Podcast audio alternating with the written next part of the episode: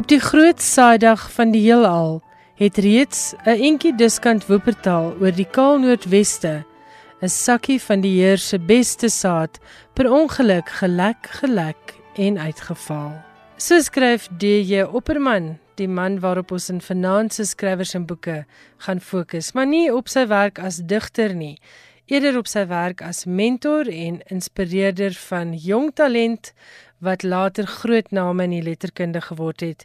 En in finansie program gesels ek met Lina Spies, self 'n gerekende bekroonde digter en oud dosent in Afrikaans Nederlands wat ook baie studente onder haar digterlike vlerke geneem het. Maar net gou weer 'n herinnering as jy in Pretoria of omgewing woon, Prisma Leeskring hou op die 16de Februarie 'n leeskring byeenkoms waar Bibi Slippers gaan gesels oor die praktiese nut van poësie in die 21ste eeu.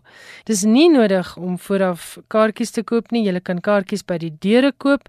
Daag asseblief sommer net op. Dit is 9:30 vir 10:30 by die auditorium van die NG Kerk Linwood Riff in Lansia Straat, Linwood Riff, Pretoria. As jy vir Erika wil skakel, haar nommer is 082 337 4381 082 3374381.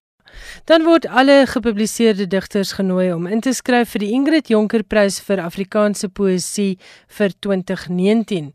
Alle navrae hieroor kan gerig word aan Ronald de Goede by rf@sun.ac.za.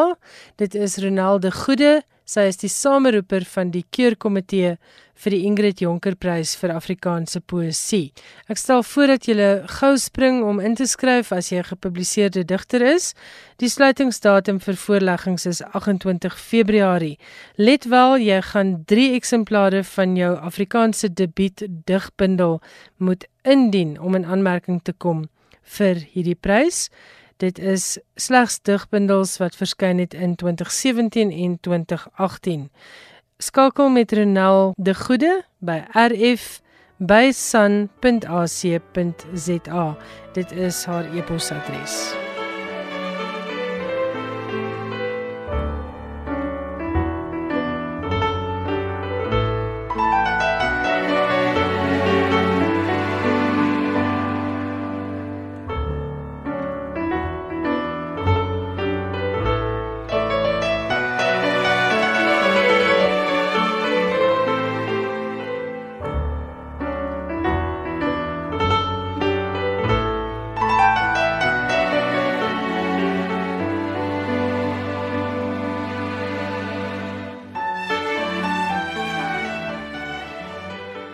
Ek gesels vanaand met professor Lina Spies. Sy was professor in Afrikaans en Nederlands en 'n kenner van poësie in albei tale. En ek was bevoorreg om by professor Spies klas te hê toe ek Afrikaans en Nederlands gedoen het daar by Stellenbosch Universiteit. Goeienaand professor Spies, baie welkom by Skrywers en Boeke. Dankie Ilse, ek is bly om vanaand met jou te gesels. Ons gesels na aanleiding van 'n program wat ek gedoen het oor Sheila Cousins 2 weke gelede. En professor Spies het laat weet dat sy DJ Opperman wat ook 'n groot invloed gehad het op Cousins se lewe en digterskap, persoonlik geken het, 'n student was van hom by die letterkunde laboratorium en ek het besluit dis die ideale geleentheid om 'n bietjie meer uit te vind oor Opperman as mens, sy nalatenskap vir Afrikaans, maar ook meer spesifiek professor Spies sy invloed op jou lewe en jou digterskap. Waar het julle paai die eerste keer gekruis? Interessant genoeg het ek nie Opperman die eerste keer leer ken in die klas op Stellenbosch nie. Hy het eers in my derde jaar professor geword aan die Universiteit van Stellenbosch en ek kom nog daarna terug. Maar ek het hom in Kaapstad ontmoet. Hy het in 1946 na die Kaap gekom uit die noorde en nooit weer weggegaan nie en in 46 was hy lid van die huisgenootse redaksie en my oom Johan Spies wat 'n taalkundige en 'n joernalis was, het saam met hom gewerk en ek het Opperman dus leer ken deur my oom en tante. En ek was vreeslik ongemaklik met hom. Ons het uh, op 'n aand daar geëet, eintlik net ek en my tante En toe het hy my gevra om saam met hom op die balkon te gaan staan en vir my die stad se liggies te wys. Wat iets sê van die feit dat ek dink hy ook baie van kinders gehou het. Maar in die derde jaar het ek besef dat hy my geïdentifiseer het in die klas. En miskien moet ek dadelik vir jou vertel dat hy toe vir ons gestel het voor die eis om as ons gedigte skryf dit vir hom te bring. En weet jy 'n student dink ek sal dit oor my dooie liggaam doen. Ek skaam my dood om vir hierdie groot digter my gedigte te bring. So teen die tyd wat Opperman vir julle klas gegee het, was hy reeds baie bekend as digter. O ja, hy was baie bekend as digter. Trouwens, toe hy professor geword het op Stellenbosch was ek in uh, by die huis in die Vrystaat. My pa het my van die Vrystaat af Stellenbosch toe gestuur en my pa wat uh, bewus was van my talent vir die poësie was meer opgewonde oor Opperman se aanstelling op Stellenbosch as ek. My pa het 'n soort van profetiese blik gehad en uiteindelik het ek onder 'n verpligting gevoel om my gedigte vir Opperman te neem. En daar het ons kontak toe vir 'n tyd opgehou ek het dit hervat toe ek hom gaan groet het nadat ek die BA graad uh, behaal het en my uh, ouers en my twee oumas hier op Stellenbosch was. Sien net vir my het hy absoluut niks gesê oor jou gedigte nie. Uh dit is nou 'n baie goeie vraag Ilse. Hy het dit bespreek in die klas en ek uh, sal jou vertel onmiddellik oor die wyse waarop hy dit bespreek het. Hy het uh, die studente in die klas aan die woord gestel daaroor en dan 'n bietjie kommentaar gelewer, maar hy het die gesprek aan die gang gehou dat jy tog sekere insigte gekry het. Maar die belangrikste ding wat ek hier onmiddellik moet sê, na daardie eerste jaar wat hy klas gegee het op Stellenbosch, is die derde jaarsklas in twee groepe verdeel, naamlik taalkunde spesiaal en letterkunde spesiaal. En in die letterkunde spesiaal klas kon hy natuurlik beter werk, want toe het hy net die studente wat gedigte vir hom gebring het uitgehaal en met hulle gepraat. Goed, goed. Maar terug by die groetslag, toe jy nou op pad is om Stellenbosch te verlaat, neem ek aan? Ja, dit is 'n baie belangrike iets van dit gaan nie oor my nie, dit gaan weer oor Opperman se insigte en sy gevoel vir die poësie. Ek het Opperman gaan groet en as 'n verskrikte derde jaar met 'n BA graad behaal aan die deur geklop en hy het oopgemaak en vir my gevra: "En juffrou, hoe kom u hier?" En ek het gesê: "Nee, my pa het my hier afgelaai." En hy sê toe maar nooi jou ouers in en ek sê ewe nee o hemel of ek nee ekskuus ek kan nie. En hy sê vir my moet nou nie vir u laf hou nie. En ek nooi toe my pa en ma plus my twee oumas in. En die grap is dat ek later jare gelag het vir myself want die oppermans was die mees onpretensieuse mense wat jy jou kon voorstel.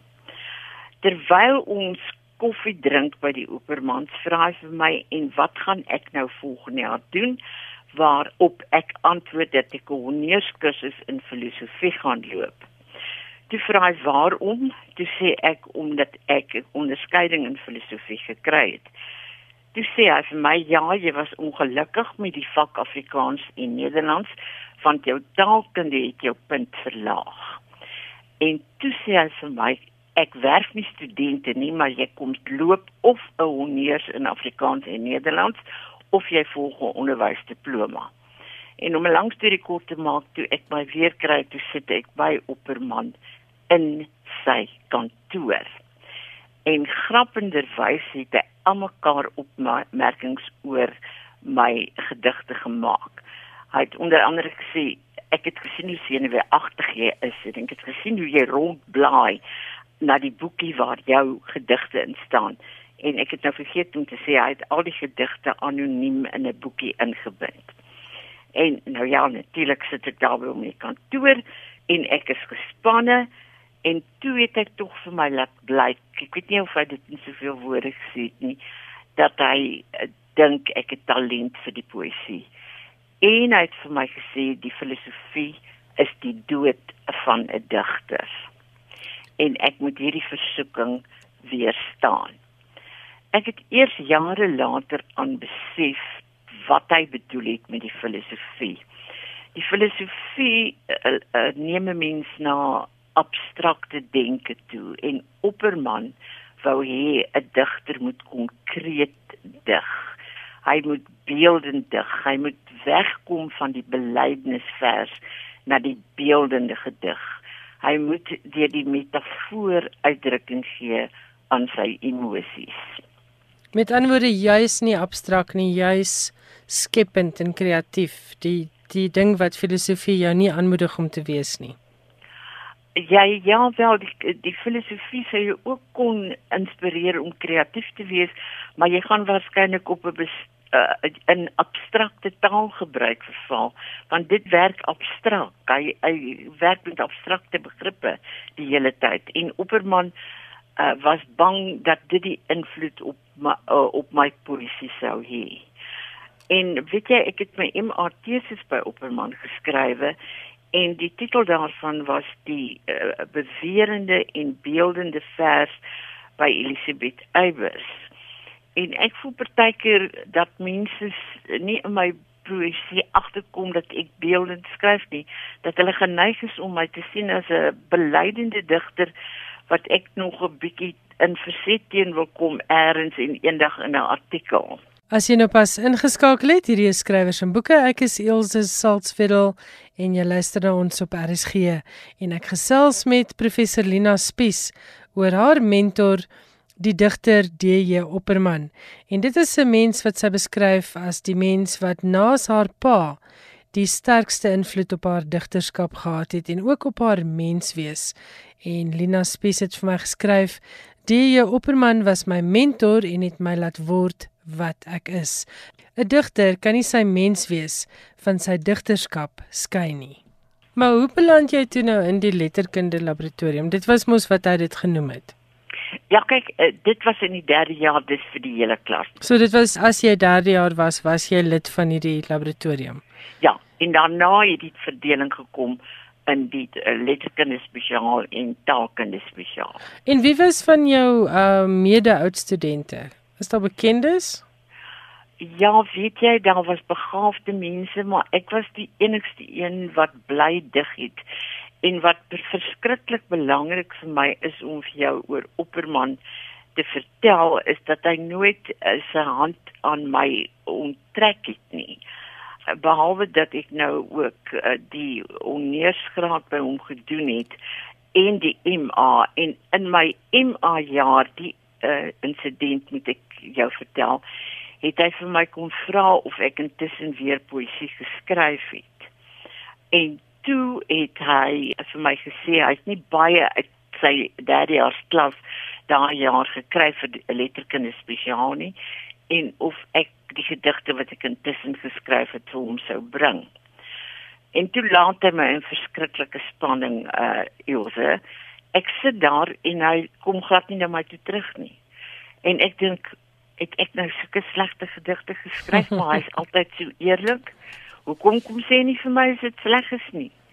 Waarom hoor ek nie 'n enkele woord hieroor nie? En op 'n oggend kom hy in en hy bring vir my 'n brief en hy sê vir my: "Uh, beantwoord asseblief hierdie brief."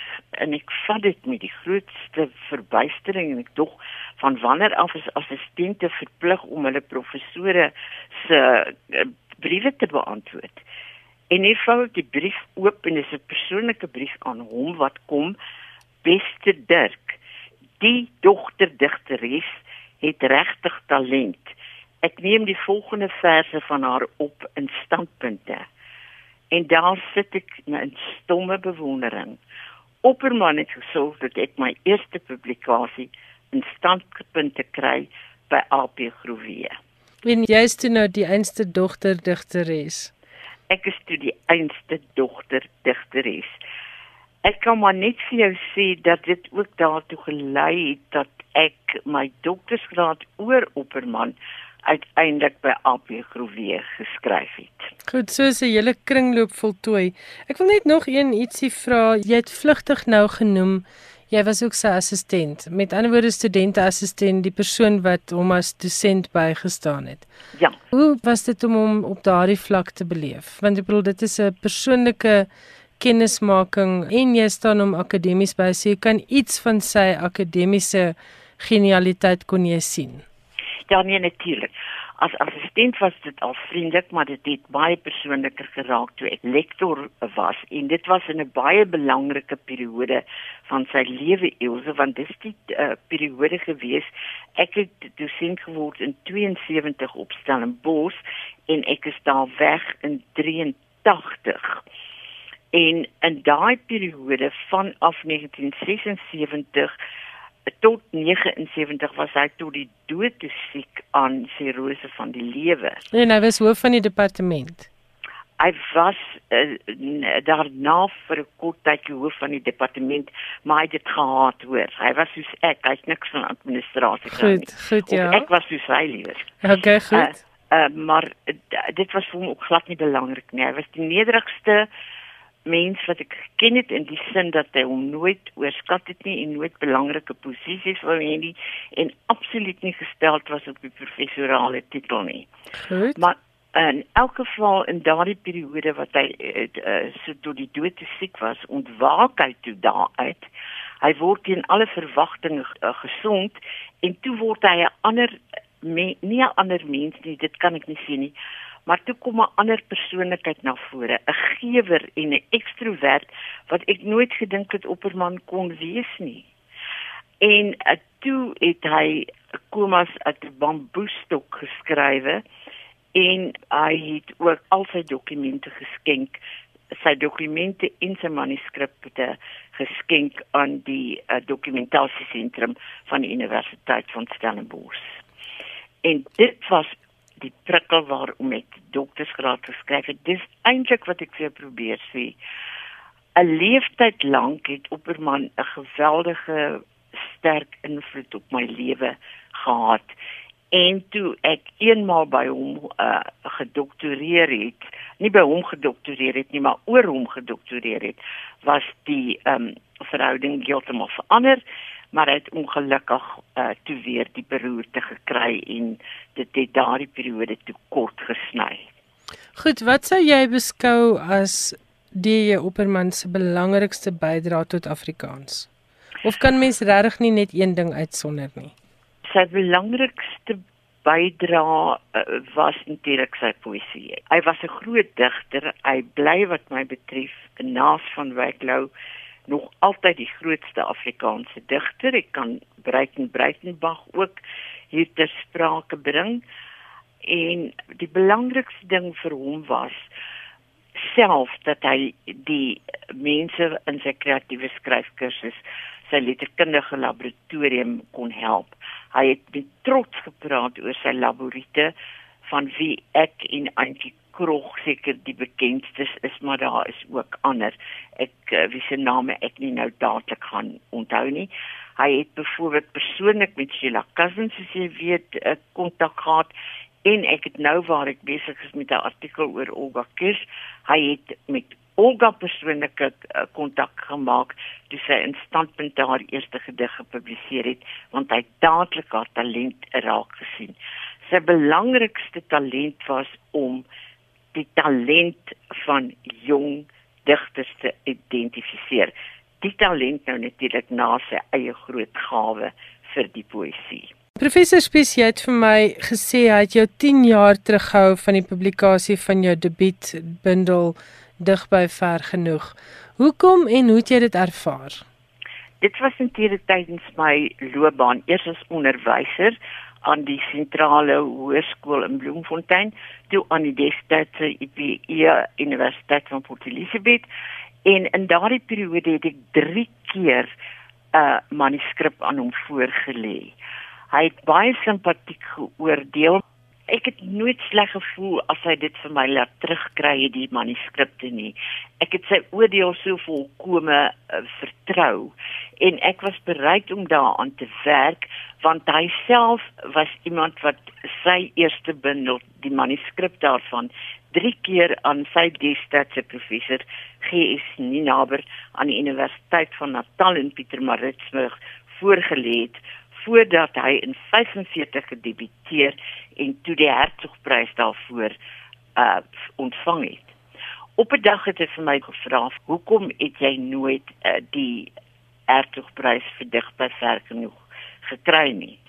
Die punt was ek is bekroon vir digter ver genoeg met die Eugene Maree Prys vir 'n debuutbundel en ek het toe nooit weer in aanmerking gekom met dig by ver genoeg vir die Hertzogprys nie.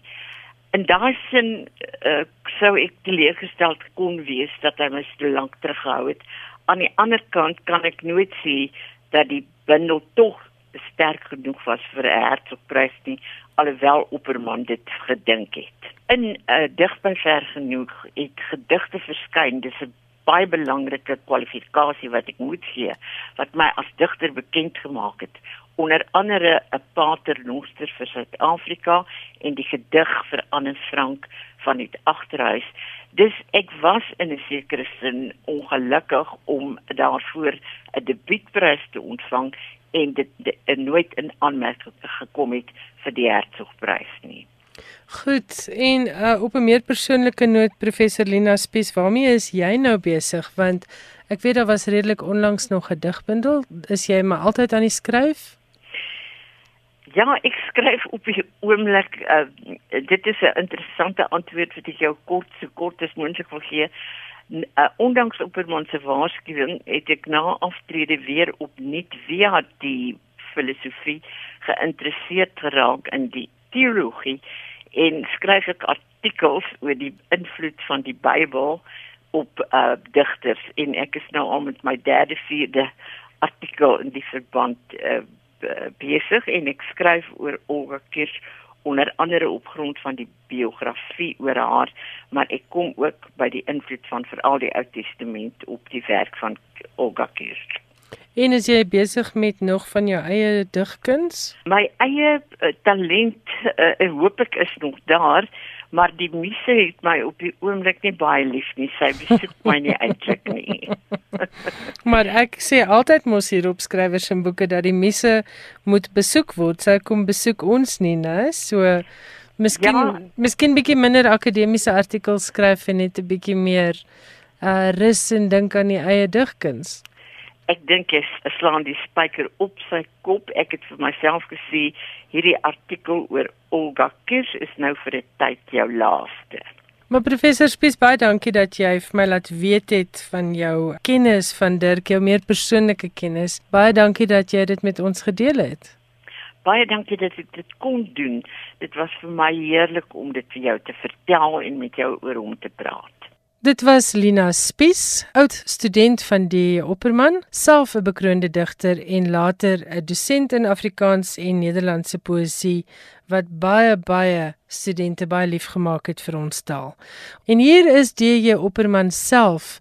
Hy vertel in 'n 1974 onderhoud uit die SABC argiewe presies hoe die letterkunde laboratorium gewerk het en ook watter rol hy gespeel het wanneer hy bloemlesings met studente se gedigte saamgestel het.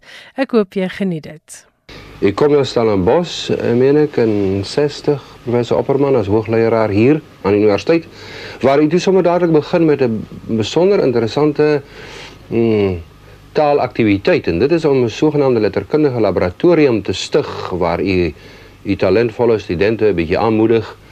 Uh, miskien so ietsie daaromtrent en hoe u te werk gaan. Ja, ons is nou al 15 jaar in die gang daarmee.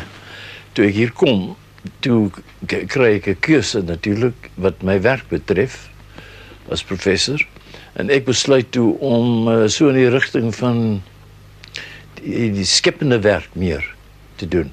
Wat gebeur met al hierdie mense? Hulle kom universiteit toe. Hulle moet uh hulle wil eintlik moet hulle ook leer ontleed. En uh toe dog ek kyk in die derde jaar teen daardie tyd weet 'n mens wie is eintlik jou beste letterkundige studente. En dan kies toe ek besluit ek kies dan 'n groepie uit van omtrent 12 om klein te maak dan sit ons om om 'n tafel.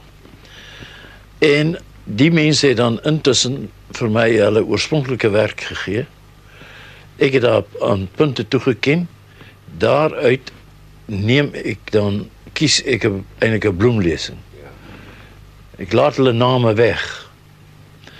En dan ook die persone wat nie skep nie, die eerste groepie heel bo in die letterkunde, die kan kom en die kan ontleed. Met ander woorde, nou daardie uh, bloemlesing die is dan hulle voorgeskrewe uh, werk. Nou aan die een kant kan, jy kan jouself verdedig, jy kan jouself aanval. Niemand weet dit nie. En jy uh, ken punte toe. Jy gewoonlik sê vir 'n bepaalde kandidaat uh pak daardie gedig nou aan, ontleed dit. En dan ontleed hy dit en dan sê ek die aandelemark is oop. En uh, met ander woorde dan begin die mense debatteer. En dan ken ek hulle punte toe daarvoor. En dan kry die man wat ontleed het tyd vir repliek. En op die manier het uh, daar so uh, ek sou nie sê ek het hulle gevorm nie. Maar uit daardie klas het uh, die Lina Spies gekom van die Olivier Leon Strydom uh Neil van Tonder sy uh bundel is nou op die pers. Daar is 'n hele groep wat in tydskrifte al gepubliseer het, standpunte ensovoorts. En dan van die mense wat ontledend opgetree het, uh Kannemeyer byvoorbeeld, Smits, Johan Smits en uh dan die punte wat die hoogste is kies ek of so dit skepend of ontledend is. Jy het uh, ook 'n hele aantal bloemlesings saamgestel uh, professor Opperman en uh, daar het u die interessante en ek dink hoogs verblydende element in die spel gebring dat die digters wie se werk daar verteenwoordig is ook 'n greintjie vergoeding haal, of meer as 'n greintjie miskien. Uh uit die inkomste van so 'n bundel. Ja.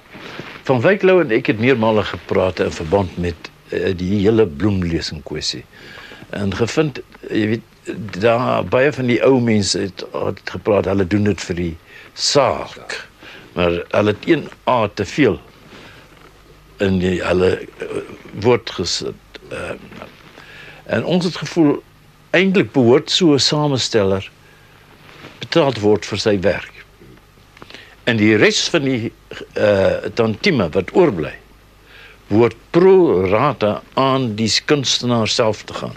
En van ek begin het, het ek daardie beginsel gehandhaaf. Die gevolg is dat ek nog altyd samewerking geniet het daarso, want met elke oplaag ontvang die kunstenaars dan hulle aandeel uit daardie bloemlesing. Nou professor Opperman, u het al by verskeie geleenthede, vorige geleenthede aan my ook, toe ek u uitgevra het, gesê het jonge mense praat nie oor koek en die oond. Maar is daar daarom koek en die oond? Kyk, ek sou by uh antwoord bly, maar ek's net 'n parallelle beeld uh gebruik. Kyk, ek sal nou sê uh dis wild. Party van daai wild het ek geskiet maar hulle is in die vrieskas. Oh, ja. En jy praat nie oor wat in jou vrieskas is nie. maar mense praat daarmaal van die biltong wat 'n bietjie winddroog is. Uh, ja, die daar lê goed in die laai en die dinge maar uh, met natuurlik ek het baie nagraadse studente. En uh dit is nie lesings nagraadse studente, dit is gewoonlik onderhoude van plus minus 3 uur op 'n keer. Ja. En uh dan kan jy nie altyd aan so maklik aan die werk kom nie. Met ander woorde, daai goed moet maar 'n bietjie in die vrieskas lê. En dit is hoe DJ Opperman self gesels oor sy baie bekende letterkundige laboratorium. Die onderhoudvoerder was Morkel van Tonder en die onderhoud kom uit 1974. Baie dankie aan Karen de Tooy van ons argiefdiens wat gehelp het met die opspoor hiervan.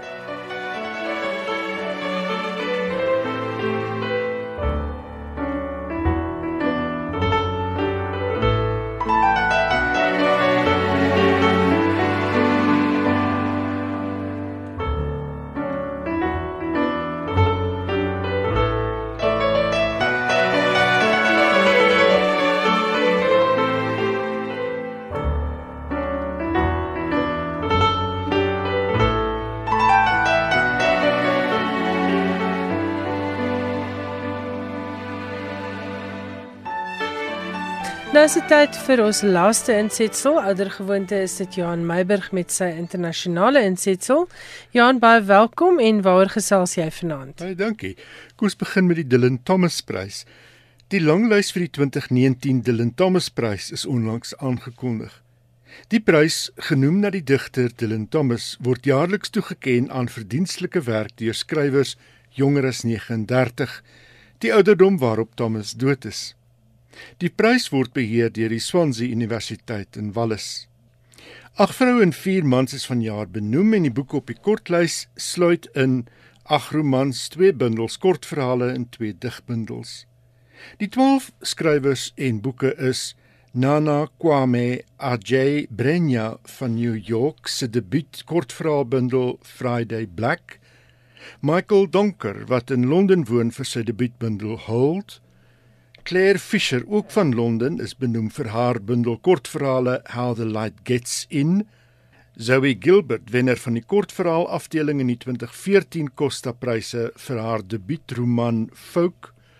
Emma Glass, wat in Kent woon, vir haar debuutroman Peach.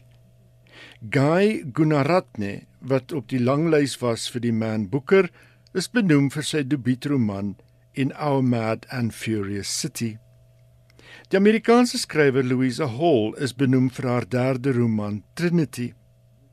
Sarah Perry wat voorheen op die langlys was vir die Dylan Thomas Prys sowel as die Costa Romanprys, is benoem vir haar roman Melmoth.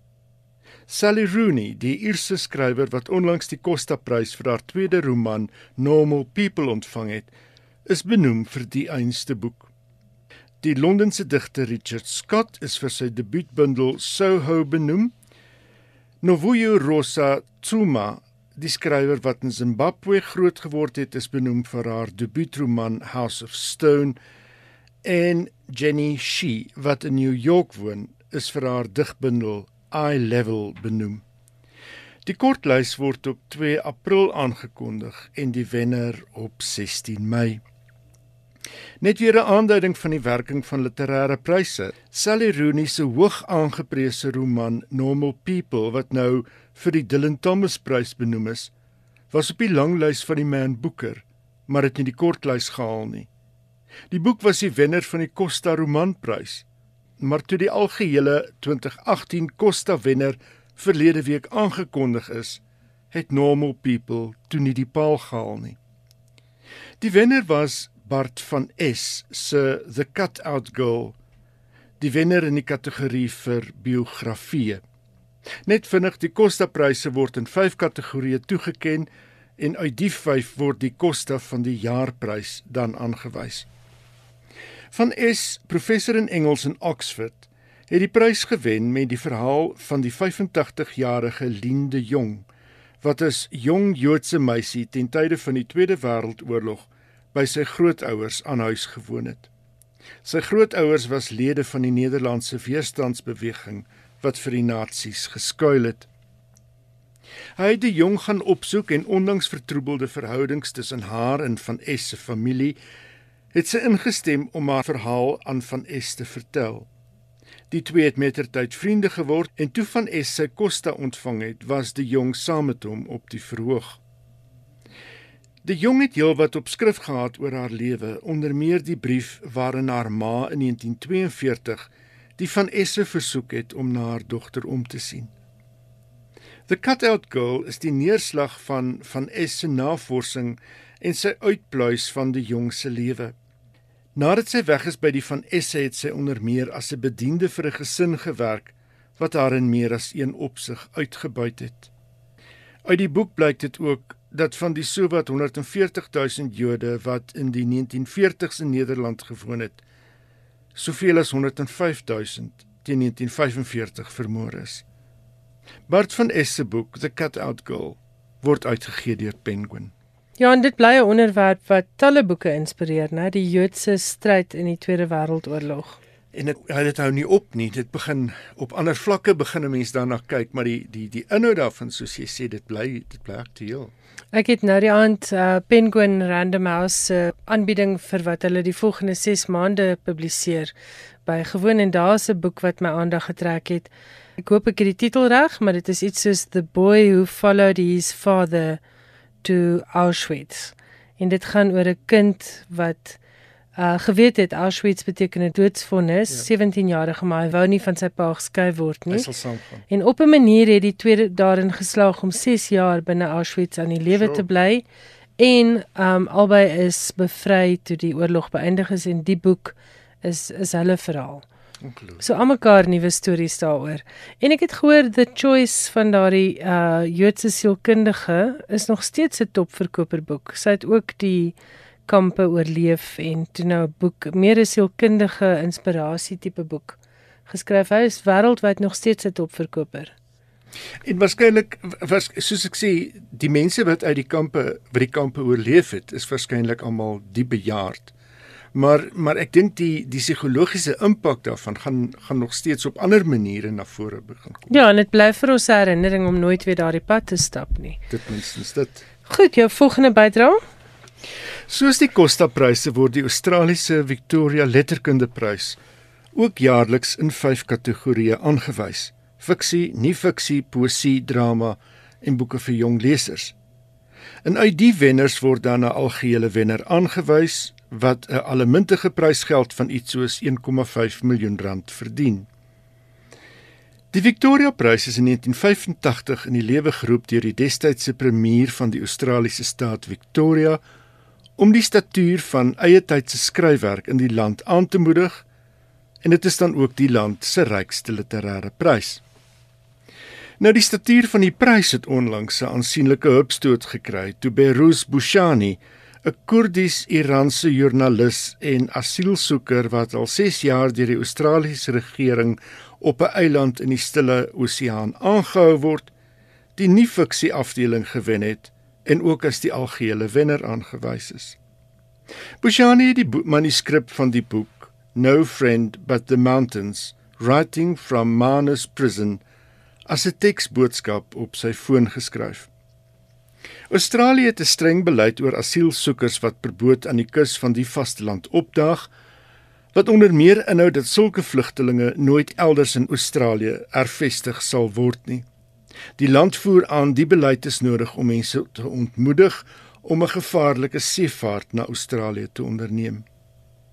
Die Manus aanhoudingsentrum is in 2017 gesluit en Bushani en honderde ander asielsoekers word nou elders op die Manus eiland aangehou. Hy is vlugtelingstatus op Papua Nieu-Guinea aangebied, maar soos etlike ander asielsoekers wil hy hom nie daar vestig nie. Bushani het WhatsApp tot 'n groot mate gebruik om sy manuskrip te skryf in Farsi en dit aan sy vertaler te stuur. Omdat hy bang was dat enigiets op papier gekonfiskeer sou word, het hy van teksboodskappe gebruik gemaak. Oor sy boek het Pushani gesê hy wil lesers onder die indruk bring van die sistemiese pogings om vlugtelinge en asielsoekers van hul identiteit, menslikheid en individualiteit te stroop. Ons is nie engele nie, maar ook nie duiwels nie, het hy gesê. Ons is mense, gewone mense, onskuldige mense. Hy het gesê hy het Iran verlaat oor die regering se probleme met sy journalistieke werk. Die beoordelaars van die Victoria Prys wat 'n uitsondering gemaak het om Bushani se boek in te sluit, omdat net Australiese burgers en mense met permanente verblyfreg vir die prys kwalifiseer, het die boek beskryf as te gelyk 'n kunswerk en 'n kritiese besinning wat onder meer gebruik maak van verbluffende storieverteltegnieke, poesie en distopiese surrealisme. Hier is Bushani se aanvaardingstoespraak by die ontvangs wat hy by die Victoria Prysgeleentheid via 'n videoskakel voorgeles het. When I arrived at Christmas Island 6 years ago, an immigration official called me into the office and told me that they were going to exile me to Manus Island, a place in middle of the Pacific Ocean. I told them that I am a writer. That same person just laughed at me and ordered the guards to exile me to Manus. I kept this image in my mind for years, even while I was writing my novel. And even right now, as I am writing this acceptance speech, it was an act of humiliation. When I arrived in Manus, I created another image for myself. I imagine a novelist in a remote prison. Sometimes I would walk half naked beside the prison fences and imagine a novelist locked up right there in that place. This image was awe inspiring. For years, I maintained this image in my mind, even while I was forced to wait in a long queues to get food or while enduring other humiliating moments. This image always helped me uphold my dignity and keep my identity as a human being. In fact, I created this image in opposition to the image created by the system. After years of struggling against a system that has completely ignored our individual identities, I am happy that we have arrived at this moment. This proves that words still have the power to challenge inhuman systems and structures. I have always said that I believe in words and literature. I believe that literature has the potential to make change and challenge structures of power. Literature has the power to give us freedom. Yes, it is true.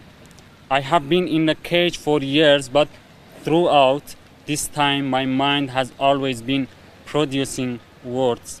And these words have taken me across borders, taken me overseas and to unknown places. I truly believe words are more powerful than the fences of this place, this prison. This is not just a basic slogan. I am not an idealist. I am not expressing the views of an idealist here.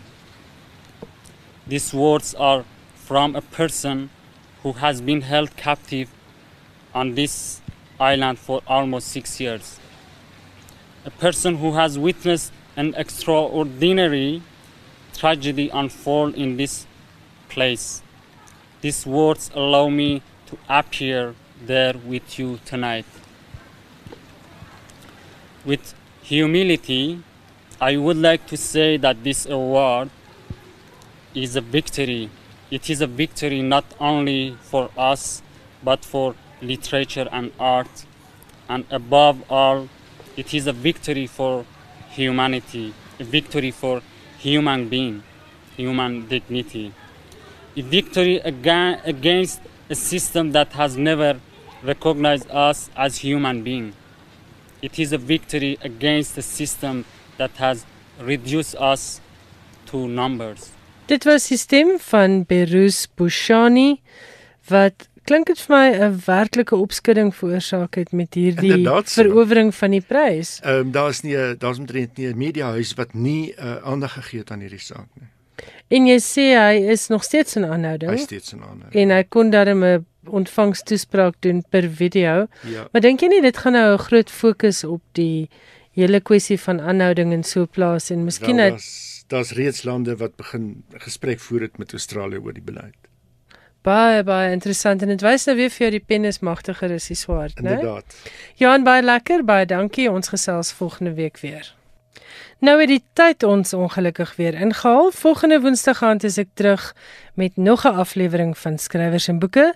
Baie dankie dat jy saam geluister het en ek hoop jy het wonderlike boeke om te lees totdat ons weer gesels. Volgende week 8uur net daar voor jou radio. Totsiens.